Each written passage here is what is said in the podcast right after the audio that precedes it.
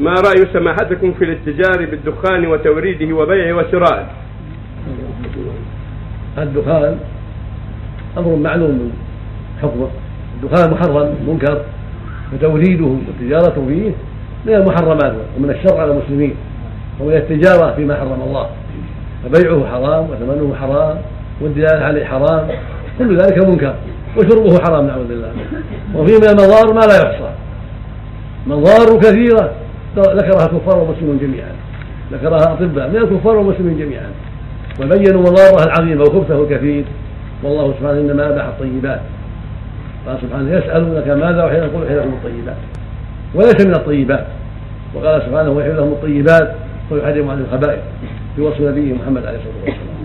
فالدخان والخمور والحشيشة والحبوب المخدرة والمسكرة التي ملي الناس بها أخيرا. كل هذه من المحرمات.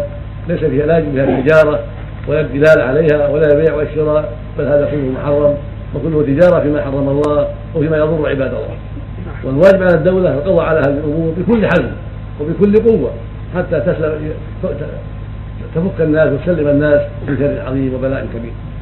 وقد وقد نشر ولله الحمد فيما يتعلق بالحبوب والخمور ونسأل الله يعينها على كل خير ولكن بقي الدخان بقي الدخان نسأل الله يعينها على منعه منعا باتا والقضاء عليه بكل وسيلة حتى يسلم الناس من شره وبلائه. أشرطة الفدي والشيخ. وهكذا حلق اللحى. أخذ الأجرة على حلق اللحى والعياذ بالله من المحرمات.